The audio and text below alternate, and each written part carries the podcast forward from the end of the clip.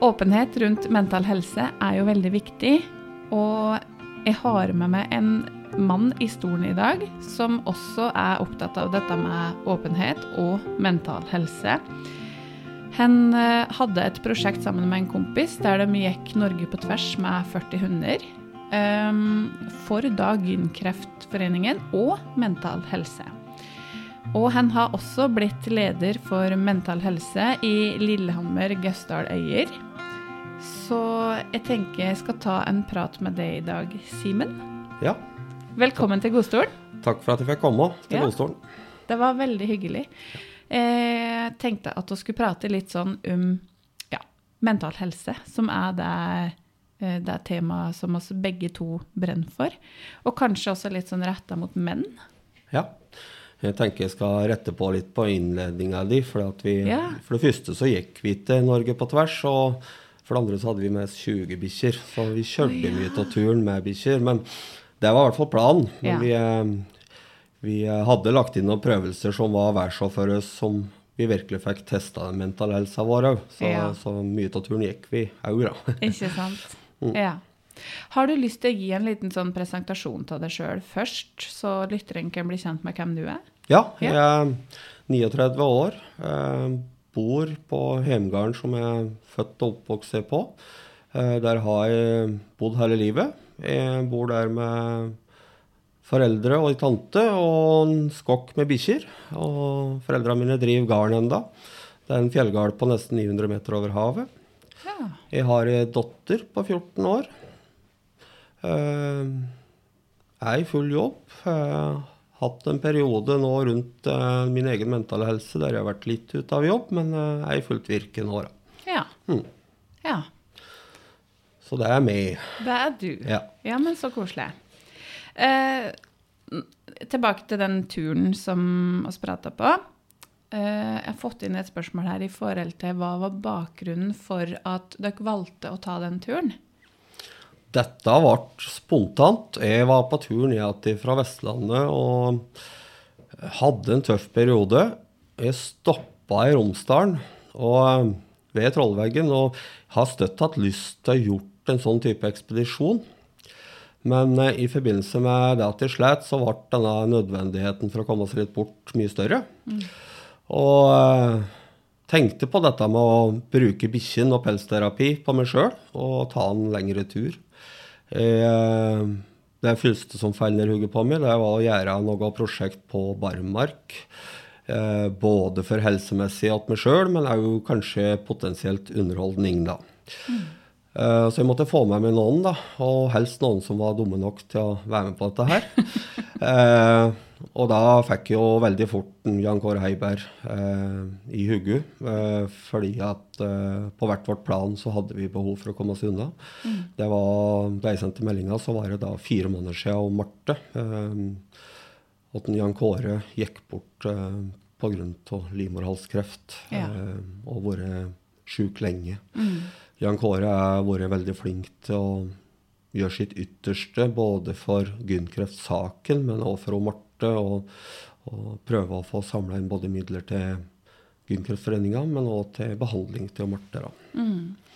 Så det starta med det, og alvoret i det var at jeg sendte en melding til Jan Kåre, som ikke kjente så veldig godt, eh, om at eh, på hvert vårt plan så kanskje vi har behov for å komme oss litt bort. Så jeg, punkt nummer én det var om det var mulig å krysse Norge med, med trollvogn, som vi da bruker, og, Ja. og bikkjer. Og punkt nummer to var om, vi, om en trodde på at vi kunne lage noe potensiell TV eh, slash film underholdning til det.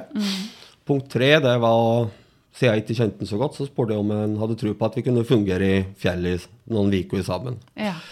Og da fikk jeg veldig fort svar. Uh, tydelig ja på de to første. Svært usikker på den siste, var svaret. og uh, der starta det. Uh, Hua meg rundt. hadde møter med produksjonsselskap. Likt som vi planla turen. Og det ble veldig fort på oss utover sommeren. Og det var faktisk en Jan Kåre sin idé om at vi skulle engasjere oss i våre to saker og, og fortelle folk om det. For Ja. det er to saker som ofte går hånd i hanske. Kreft og mental helse. Eh, pluss at eh, vi begge to brenner litt for eh, åpenhet innenfor menn, og spesielt menn, da. Eh, vi menn er jo ekstremt dårlige til å snakke om følelser. Så vi starta rolig. Eh, Vi tenkte vi skulle produsere noen T-skjorter som skulle være merkevaren vår, og selge til innsamling for disse. Og kanskje det ble litt renna, tenkte vi. Eh, Dette tok helt av allerede i Femundsmarka, for vi kjørte fra Femund til Stadlandet. Og eh, i Femundsmarka så merka vi allerede et svært høyt engasjement for begge saker. Vi traff folk som hadde vært borti begge deler, og kanskje i kombinasjon med Erinan. Jeg fikk en telefon veldig tidlig på turen fra en eldre mann på noen og 60. Um, han gret i telefonen min, vel, i telefon, og um, kunne fortelle det at han var åpen med meg, men han hadde ikke snakka med kjerringa si uh, hele livet, når man var gift siden han var bare unge, om Oi. at han slet. Så Ja. dette med fasade kjente han seg veldig godt igjen i. Ja. Og da beller det på seg utover turen. Vi møter folk uh, tidlig på morgenen, sent på kveldene, uh, midt på dagen, natterstid. Uh, ofte menn som bare har lyst til å vise seg fram og ikke prate. Eh, vi har intervjuer underveis med likesinnede til meg som har levd bak en fasade. Og da vi kom til Stadlandet, så hadde jo hele bygda eh, engasjert seg og ført oss på hele turen. Og det, det var slik at underveis Vi starta med 3000-5000 følgere. Eh, og dette økte, og da vi kom til Stats, hadde vi 14 000 følgere. ja. Og Unnskyld. Uh, Og um, hele Stadlandet hadde samla seg, og ordføreren sto og tok imot oss. Eh, jeg hadde jo tenkt at når vi kommer på Stad, på stranda ved Gjervika, så skal Jan Jan Kåre sette oss på stranda i stille ro og ta oss en øl sammen. Ja. Og dette var fullført og godt. ja. Slik ble det ikke. Eh, vi greide å samle inn eh, nesten 300 000 penger til de to sakene våre. Og så litt utgifter med produksjon og litt sånn. Så Ja. har vi eh, delt ut 115 000 til hver vår sak. Ja. Jan Kåre har gitt sånn sin del til et forskningsprosjekt innenfor Og jeg har gitt alt til lokallaget Lillehammer, Øyre og Gausdal. For Ja. å skape mer aktivitet for uh, pårørende brukere. Uh, Så bra. ja. Ja. Mm. Det var kjempebra. Så det, det ble en, ikke bare en innledning og bakgrunn til saken, men det, det ble egentlig store Ja. hele, hele turen. Men Ja. Jeg syns det er viktig å snakke om engasjementet vi møtte. Absolutt. Mm. For, for der så jeg jo um, Jeg har jo T-skjorta deres. Er dumt jeg ikke tok henne på meg i dag, da. Ja. Men um, uh, jeg så jo det, at det var et enormt engasjement. Og Mm. folk førte jo med på livesendinger. Jeg satt jo og førte meg, òg. Mm, Um, så jeg syns jo det var veldig fint. Og så at dere var med på å skape den derre åpenheten, den derre um, Altså den der at det er ikke så farlig. Altså det er ikke farlig å dele. Det er, eh, vi, er, vi har alle våre utfordringer, ikke sant? Ja. Og åpenheten slik som vi gjorde, det er jo ikke den åpenheten vi, vi ønsker å kommunisere at vi skal være åpne for hele verden, men at, eh, at eh, spesielt menn da kan ha sin gode kompis eller noen å åpne seg åt. da. Og så hørte du sa da at menn er dårlige på å vise følelser. Eh, og, og der tenker jeg Har du noen tanker rundt hvorfor menn er dårlige på å vise følelser? For jeg tror egentlig at menn har like mye følelser som Altså så har like mye følelser alle mennesker. Men hva er det som gjør at menn viser dem Altså er dårligere på å vise, da? Jeg tror, jeg tror jeg kan supplere det med at de er dårlige til å vise det, dårlige til å prate om det, med at menn har en måte å vise det på som er veldig vanskelig å tolke. Ja. Så ja. eh, vi viser det nok i, på hver vår måte, men ikke nødvendigvis slik som eh, samfunnet forventer at vi skal vise det, eller mennesket er skapt for å vise det. Eh, det kan være gjennom sinne, frustrasjon, gjemme seg bort. Eh, det kan være mange måter menn viser det på. Men det tror jeg er en veldig stor sammenheng med at vi er, menn er dårlige til å prate om det. Og derfor så må vi få utløp for det på andre måter. Og så tenker jeg kanskje at menn er dårlige til å prate om det fordi de har blitt fortalt at de er dårlige til å prate om det. og at eh, samfunnet er lagt opp til at store gutter gråter ikke. Eh, du skal være tøff og barsk, mens eh, damer har lov til å være sårbare. Og at det ligger et litt sånn ansvar på samfunnet der òg, at eh, menn skal få lov til å vise følelser. Mhm. Men ja. det er liksom lagt opp til at nei, menn skal være hardbarka. Ja, ja, det er veldig slik. Og, og der er jo stor forskjell på bygd og by. Så Ja. eh, i ei liten bygd så er du enda mer sårbar som mann som åpner det. Ja, det vil jeg tro. Har du fått noe, eh, hvilke tilbakemeldinger har du fått på din åpenhet og sånn eh, i bygda di, da? Nei, jeg, jeg har stort sett fått veldig mm, gode tilbakemeldinger. Ja. Eh, men du får som regel enten gode tilbakemeldinger og, eller ingen. Ja, Så, så det er mange måter å tolke det på. Men eh, jeg føler jo det at eh, bygda har i hvert fall støtta meg og sakene veldig Mm. mye. Eh, Jeg tror det er mange som har fått opp øynene for Kanskje bygda er nærmeste meg, eh, og fått opp øynene for mange rare sprell som jeg har drevet med opp gjennom åra. Ja. Og det handler om at du må få utløp for Det kan òg være litt sånn der som jeg sa i stad, eh, å vise følelser gjennom mange forskjellige måter. Og det Mm. kan være et utløp som jeg har hatt uten at jeg er klar over det sjøl. Ja, ikke sant?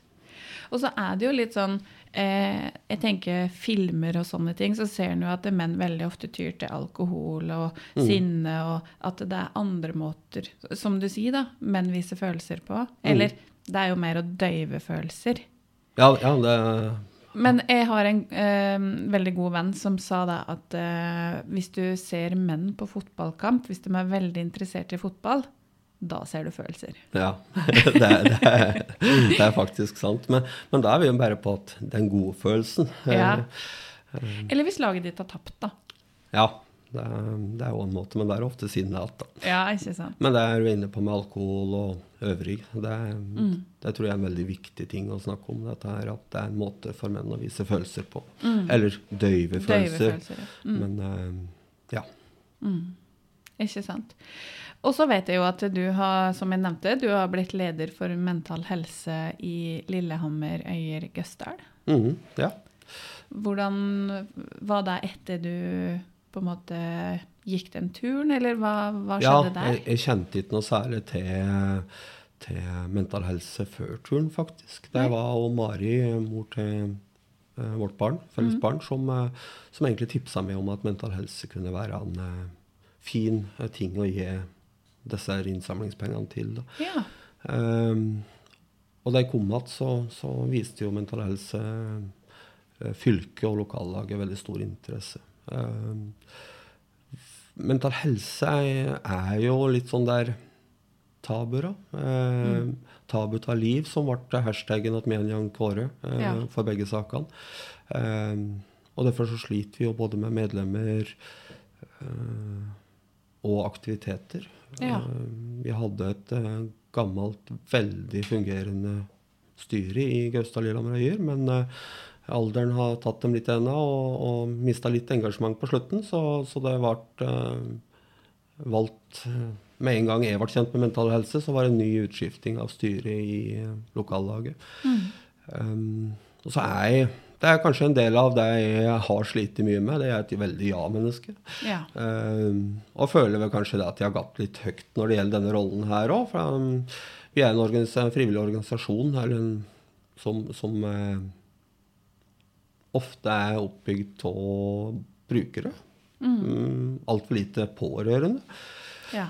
Um, så jeg, nå begynner vi å komme på plass med lokallag. Vi har hatt utfordringer helt siden jeg kom att. Ja. Um, vi begynner, men vi begynner å få et velfungerende styre på plass. Og vi håper at uh, både midlene mine og en ellers god økonomi i lokallaget skal bidra til at vi synes mer. da. I, Så bra.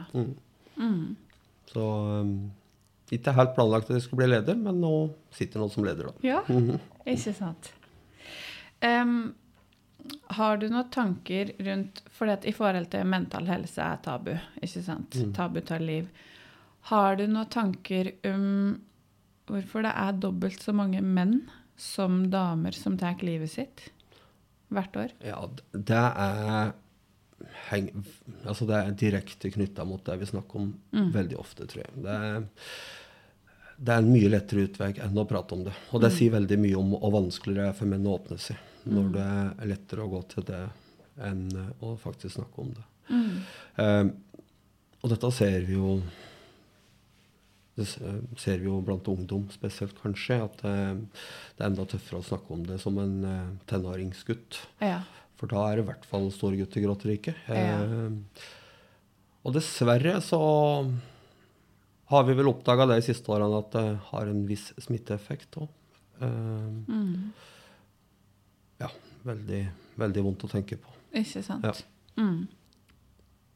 Jo, jeg kan dele litt av min eh, egen erfaring som terapeut. Og det er jo det at det er veldig mange unge gutter som har kommet opp med, faktisk. Mhm. Og hver gang du kommer unna, så er det Altså, jeg klapper dem på skuldra nesten, for det er tøft gjort å komme som 20-åring og dele at du har det vanskelig.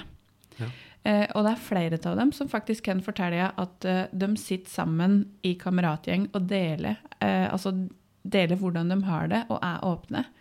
Så eh, det er jo også et skritt videre, tenker jeg. Men også er det en lang, lang vei å gå i forhold til det å fjerne noe tabu da, rundt det å snakke om psykisk helse. For alle har oss jo psykisk helse. Ja. Det er jo ikke noen som ikke har det. ikke sant? Og oss har gode dager, oss har dårlige dager. Og så handler det på en måte om å romme alt, alt både gode og dårlige dager, da, og gode og vonde følelser. At vi skal kanskje tåle de vonde følelsene litt mer og snakke om det. Og hvis en snakker om ting, eh, tenker jeg da, så er det litt sånn at eh, F.eks. når trollet kommer ut i sola, så sprekker det. Så hvis du snakker om det, så, eh, så blir det mindre farlig. Ja. ja. Mm. Og eh, det vil jeg gjerne ta med meg det at eh, ungdom og dem du opplever kommer hit, er nok mer åpen for behandlingsmåten som du har, har valgt da, som Mm. terapeut. Eh, og det har jeg jo kjent på sjøl, at eh, jeg har brukt tid for å bli kjent med kognitiv terapi. Men eh, jeg ser absolutt verdien av det, og jeg syns det er en veldig mye bedre start på å ta tak i ting enn å begynne med medisiner fra dag én. Absolutt. Jeg er ingen sterk motstander til medisiner, for det går jeg sjøl på nå. eh, for bipolaritet type 2. Eh, men det fins så mange måter å ta tak i det, bl.a. kognitiv terapi. Og, og dette har ikke helt samfunnet fått øynene opp for. Nei. Men det er mye større eh, Jeg tror ungdommen ser det med kognitiv terapi som mindre skummelt òg, enn det jeg kaller eh, skjemapsykologen da, eh, kalte tidligere. Nå har jeg fått veldig god hjelp gjennom Gausdal kommune Ja. i en lang periode, så det, det takker jeg Gausdal kommune for, at de har et bra psykisk helsevern der. Ikke sant? Så bra. Det var vel eh, et, blant Jeg tror det var du en av de første jeg tok kontakt med eh, i løpet av turen som jeg ønska å ta en samtale med. Eh, og det Jeg torde vel ikke helt å møte deg, for du var nok litt skummel, men, eh, men, eh, Men nå sitter du her. nå sitter jeg her. Nå sitter jeg her. Og, eh, og det kan godt hende jeg kommer igjen. Ja, ikke sant? ja. Og jeg tror at uh, min åpen, nei, min, mine utfordringer, uh, diagnose eller ikke diagnose, kunne vært langt lettere å ta tak i hvis jeg hadde gjort det før, og ikke gjemt meg bak fasaden. For fasaden Ja. tar tid å rive. Du har bygd opp noe falskt rundt deg sjøl som uh, du ikke river på en dag. Og det er også min erfaring i forhold til når jeg får folk inn som da er i 20-åra, så er det mye lettere eh, Jeg jobber jo med å snu på tankegang og endre atferd. Så er det mye lettere å snu det enn hvis du er 52, 53, 54 år og har hatt fasaden hele livet. Mm. Så det er kjappere på en måte, eh, kjappere terapi da, med dem som er yngre, enn dem som er eldre, da, som trenger å kanskje bruke litt mer tid fordi det har brent seg mer fast. Ja, ja. Det er jo har heteordtaket med å lære en gammel hund eller gammel Ja. katt noe nytt. Det Ikke sant? endre, endre på vaner. Det, Ja. ja. Så desto yngre vi er, gutter og jenter som vi hører på, eh, spesielt gutter, at vi tar tak i den minste ting. Eh, får Absolutt. ut enten Ikke alltid nødvendigvis også, også gå til en terapeut, for da, da på en måte så har du sluppet det for langt. Eh, Mm. Ha en god venn som du tør å åpne det til. Eh, Mm. Den gode vennen som jeg nå har fått, den fikk jeg ikke eh, før jeg åpna meg, av en alder av eh, 6-37 år. Så, så han, han vet nesten mer om meg enn jeg vet om meg sjøl. så dette med å ha en god terapeut gjennom en venn er viktig. Mm. Mm. Absolutt. Og så er det jo Jeg vet ikke om det, da, men jeg har eh, Jeg mener jo at mye av det vi har med oss eh, som psykisk uhelse, da, er jo mye fra barndom. For det er jo der grunnmuren vår altså Det er jo der vi har bygd huset vårt på, da. Ja. Ikke sant? Som du sier, ikke sant? hvis du har bygd huset ganske og- men sterkt da, eh, i mange, mange år, så er det vanskelig å rive det. Men har du på en måte bygd Ikke kommet så langt på huset ditt, så er det litt lettere å, å jobbe med det. Men jeg mener i hvert fall at måten du blir møtt på som liten, måten du blir snakka til på som liten, blir måten du møter deg sjøl på som voksen. Ja, men så opplever jeg det at jeg har hatt en vanvittig trygg og god støtte rundt meg på, mm. på gården. Vi har jo eh, vært sammen støtt. Eh, far og mor og tanter og onkler, skulle jeg til å si. Og vært mye folk hos oss. Så vi, eh, vi har vært en sammenspleisa gjeng. Mm. men, eh, men som jeg sa at det før vi starta nå, at jeg, jeg har lite minner fra før jeg var 14, rundt 14 år. Um, og det kommer jo fram ting gjennom dette jeg driver med nå, at, uh, fra spesielt min mor, at, det- at det er ting som har skjedd, som, som kanskje sitter enda. Og det, uh, det er som du har snakka på gjennom Instagrammen din, at tilknytning til små bagateller som ung kan Mhm. bli traumatisk når du blir gammel. Ja, for det Alle som kommer til meg, sier For jeg spør alltid om barndom. Ja. Eh, og alle som kommer til meg, sier ja, men jeg har hatt en helt grei og fin barndom. Og, og det tror jeg på. Det er ikke det at alle trenger å ha hatt traumatisk barndom, på en måte. Men det er dette med rom for følelser, dette med at um, eh, kanskje du har blitt sendt på rommet hvis den var sint, at det var ikke greit å være sint, eller det var ikke greit å gråte, eller betinga ubetinga kjærlighet. Altså bitte små ting som utgjør så mye som en drar med seg framover, og som blir en sannhet, da, på en måte, som en lever livet sitt etter. At eh, hvis det ikke jeg gjør som jeg forventa av meg, eller hvis det ikke jeg eh, gjør sånn og sånn, eller hvis jeg sier meningen min, eller så er jeg ikke bra nok. Nei, nei. Og så blir det en sannhet som en har med seg videre inn i livet. Og så blir det på en måte sånn at da unngår du å si meningene dine, da. Da sier du bare ja til alle andre, da. Eller da eh, pleaser du, eller du gjør bare det som er forventa. Ikke sant? Så, så det er bitte, bitte små ting som en kanskje drar med seg videre, som kan gjøre at det blir den der fasaden, da, den autopiloten som en lever livet sitt etter. bare. Ja, livet går på autopilot. Mm, mm. Jeg, jeg kan jo faktisk ta opp en slik ting som en av de få tingene som vi har funnet.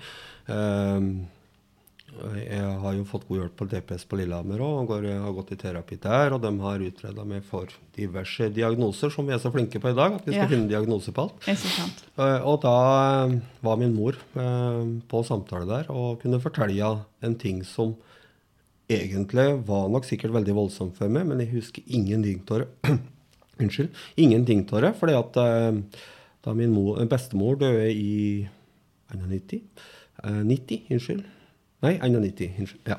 Eh, så hadde jeg tid dette forferdelig tungt. Uh, skikkelig tungt. Og uh, mor og far, uh, det kan jeg nok kanskje minst litt av, at eh, de prata en del med meg om. fordi at da kom dette her med litt dødsangst mer av altså, i ung alder. Ja. Dette, eh, kanskje ikke redd for egen død, men redd for å miste folk rundt seg. Da. Ja, ikke sant? Frykten for å bli alene eller forlate. Ja. Eller, ja. Og det er faktisk eh, ting som jeg kjemper på nå mens vi sitter her, eh, og ikke har fått tatt opp til terapeuten min, så hører du på, så får vi snakke om det neste Ja. gang. Dette med at de var veldig flinke til å prøve å prate om det etterpå. Da. ja. Men det kan være en ting kanskje som eh, har dukka opp nå i og er grunnen til at jeg har greid å bygge den fasaden rundt meg. Ikke sant? Mm. Og, og der eh, kan jeg kan dele en liten historie sjøl. Nå er det jo ikke Altså i forhold til min egen sønn, som fikk litt sånn eh, Det var mye som skjedde i periode. Det var mange i klassa som mista en av sine foreldre over en litt sånn kort periode. Det skjedde masse om eh, bare noen måneders mellomrom, da. Mm. Eh, og så var det vel en dag en ikke fikk tak i verken meg eller far sin. Og da var jo ikke sant, da var det jo bare Herregud, nå er de døde. Da var det jo kjempebekymringstanker, katastrofetanker. Um, så det har vi jobba en del med og prata om. Ja. fordi at, Så ikke det skal på en måte sette seg som en sånn frykt i henne. da. Men det ligger nok en liten sånn greie der fortsatt med at uh, Litt sånn usikkerhet på er det 100% trygt. Liksom. Men også Ja. prata mye om dette med um, I forhold til Jeg sa vel da at det visst, så kjedelig da, hvis at du blir 80 år, sitter i gyngestolen din og bekymrer deg for samme tanken som du bekymra deg for når du var 12-13 år. Skulle sitte og bekymre deg for dette hele livet. Hva du, hva vits, altså, hva du brukte livet ditt på da? Ja. Nei, det var litt kjedelig, det, da. Men det er dette med å eh, ja, det skapes, det er ikke mye som skal til, da, for det skapes en eller annen frykt, eller det ligger noe der fra før som bare blusser opp litt, eller ja, sånne ting. Og det, dette er, det er vi inne på litt dette her, at vi, er, vi mennesker er flyk, fryktelig flinke til å tenke bakover. Eller langt framover. Ja. Eh, vi er altfor dårlige til å leve nå. Eh, og ja, vi må ta vare på nuet vårt. Absolutt. Det er nå vi har muligheten til å leve. Ja. Og så vet vi jo ikke hva morgendagen bringer. Nei, det gjør vi ikke. Nei. Og så til slutt så tenkte jeg um, Hva tenker du oss kan gjøre i forhold til uh, mental helse og dette med åpenhet? Um, altså for å skape mer åpenhet, hva tenker du oss kan gjøre? Eh, åpenhet, det syns i samfunnet mange av oss eh, misforstår litt. For at, eh, den åpenheten som vi snakker om i dag, det virker som at du skal være åpen med hele verden. Det er ikke det åpenhet handler om. Det handler om å ha en eller to du kan åpne i ått, og få utløp for det som er uttrykket som jeg liker, det er hverdagslig mental helse. Eh, og holde det på et nivå der vi kan kalle det hverdagslig mental helse, før det blir voksne problem. Da. Så åpenhet eh, er viktig, eh, og det skal vi fortsette å jobbe for. Eh, jeg syns at vi skal fokusere mer på den lille åpenheten, og ikke nødvendigvis være åpen gjennom alle kanaler. Og jeg syns vi skal lytte mindre på media sine tanker om åpenhet, for jeg syns eh, media fronter åpenhet på en feil måte. Ja. Og ja. Og så handler jo eh, Mine tanker rundt det er jo at åpenhet handler om å, å eh, Som du sier, å være åpen til noen få som du er trygg på. Men så er det så viktig å på en måte eie din egen historie før du deler det med andre. Det er litt sånn at du har bearbeida, du eier historien din før du går ut og er åpen om det. da. Ja, og det, det var noe ikke jeg eide da vi kasta oss ut på tur. Ja. Um, det er vel egentlig kameratskapet underveis satt med en Jan Kåre som var starten på å eie sin egen mentale helse, da, eller egne utfordringer. Mm. så det er jeg helt enig med deg i, at eh, du må akseptere det sjøl før, du- før du går ut og innbiller andre noe annet. Ja, ikke sant? Ja, det er noe med det. Ja. Og så vet jeg jo, da, jeg har jo sett på sosiale medier at dere driver og har foredrag. Ja, Du og Jan Kåre. Det har vi kommet i gang med nå. Ja. Det, eh, det virker som at folk ikke blir metta på at vi prater. For at det siste foredraget vårt ble faktisk nesten tre timer. Så det, Ja, såpass, ja. men vi fikk fram både tårer og mye latter. Ja. Eh, og jeg syns vi fronter sakene våre på en god måte. Mm. Eh, Jan Kåre har nok eh, vært, eh, som han sier, han har eh, brent for uh, gynkreft og saken rundt om Marte. Og prøver å hjelpe andre gjennom det. Men han oppdaga det er underveis under turen og reflekterte over det etterpå at han har minst like stort behov for å prate om ting, han, som, eh, som oss andre. Så mental helse har betydd mye for han òg, å være åpen rundt det. Ikke sant? Mm. Men i det foredraget, handler det på en måte om da turen? Eller eh, hva er det der foredraget? Hva er som hovedessensen i foredraget da? Selvsagt så, så blir det mye om turen. Eh, Ja. Vi treffer grupper eh, for friluftsliv, folk som har interesse for hund. norsk natur. Men vi har hele tida fokus på engasjementet vi møter underveis, og, og snakke en del om mental helse, kanskje spesielt under turen, fordi at vi, vi traff på den mentale helsa så godt, begge to. Vi hadde jo mm. vanvittige utfordringer som satte et eh, begynnende kameratskap på prøve. Vi, vi, kjente jo som sagt ikke hverandre før turen. Vi bare visste hvem vi var. Mm. Um, så foredraget, det, det, er litt for alle. Ja. Uh, med et budskap. Det var en litt artig historie fra turen. Um, for da vi begynte å nærme oss slutten, så kommer vi til Nordfjordeid. Ja. Og så var det om å gjøre Det er jo sentrumsnært, så vi, vi hadde en liten jungeltelegraf da, og journalister som møttes før vi kom til Nord, Nordfjordeid. Mm. Eh, dagen før vi kom til Nordfjordeid, da, så hadde journalisten skrevet i, lokalavisa eh, overskrift med to predikanter med to viktige budskap på ferd. så da fikk vi jo passet vårt påskrevet, og da var det presten i Nordfjordeid. Han var dessverre på jobbreise i Bergen, men han sa at eh, det er bare å kjøre opp på Pressgarden og campe der. Oh, ja. For disse sakene støtta han så godt. Så da, da campa vi med 20 bikkjer. Jeg tror aldri har vært så mye leven på, på Pressgarden i Nordfjordeit. Men eh, om vi var noen gode predikanter, det vet jeg ikke. Men vi, vi har nå fått fram to viktige budskap der. Ja, men det er bra. Ja, mm. ja men så bra. Mm. Så gøy. Har, altså du, du, har jo mye som du driver med litt sånn framover. Men du driver mye med hundekjøring i tillegg nå, eller? Ja. ja. Eh, jeg er jo aktiv innenfor hundekjøring eh, på flere plan. Eh, for det første så starta hundekjøringskarrieren min litt med som kanskje ingen mange vet, men det var jo litt terapi for meg sjøl. Inne på det vi kaller pelsterapi, som er mye mer kjent innenfor hest enn det er på hund. Men ja. uh, pelsterapi er veldig undervurdert. Og mm. Jeg tror det at uh, plutselig så skal jeg invitere det på et prosjekt der vi blander pelsterapi og kognitiv terapi. Ja, ikke sant? Men det var sånn det starta med hundekjøringa mi, og det har jeg holdt fast ved uh, i mange, mange år. og nå har jeg jo et virke òg som, som, innebærer veldig mye hund, så jeg får kjøre enda mer hund og enda ja. mer pelsterapi. Ja. ja. Mm. Så bra. Er det noe mer du har lyst til å dele når du er her i dag? Eller noe du har lyst til å formidle, eller noe du brenner inne med?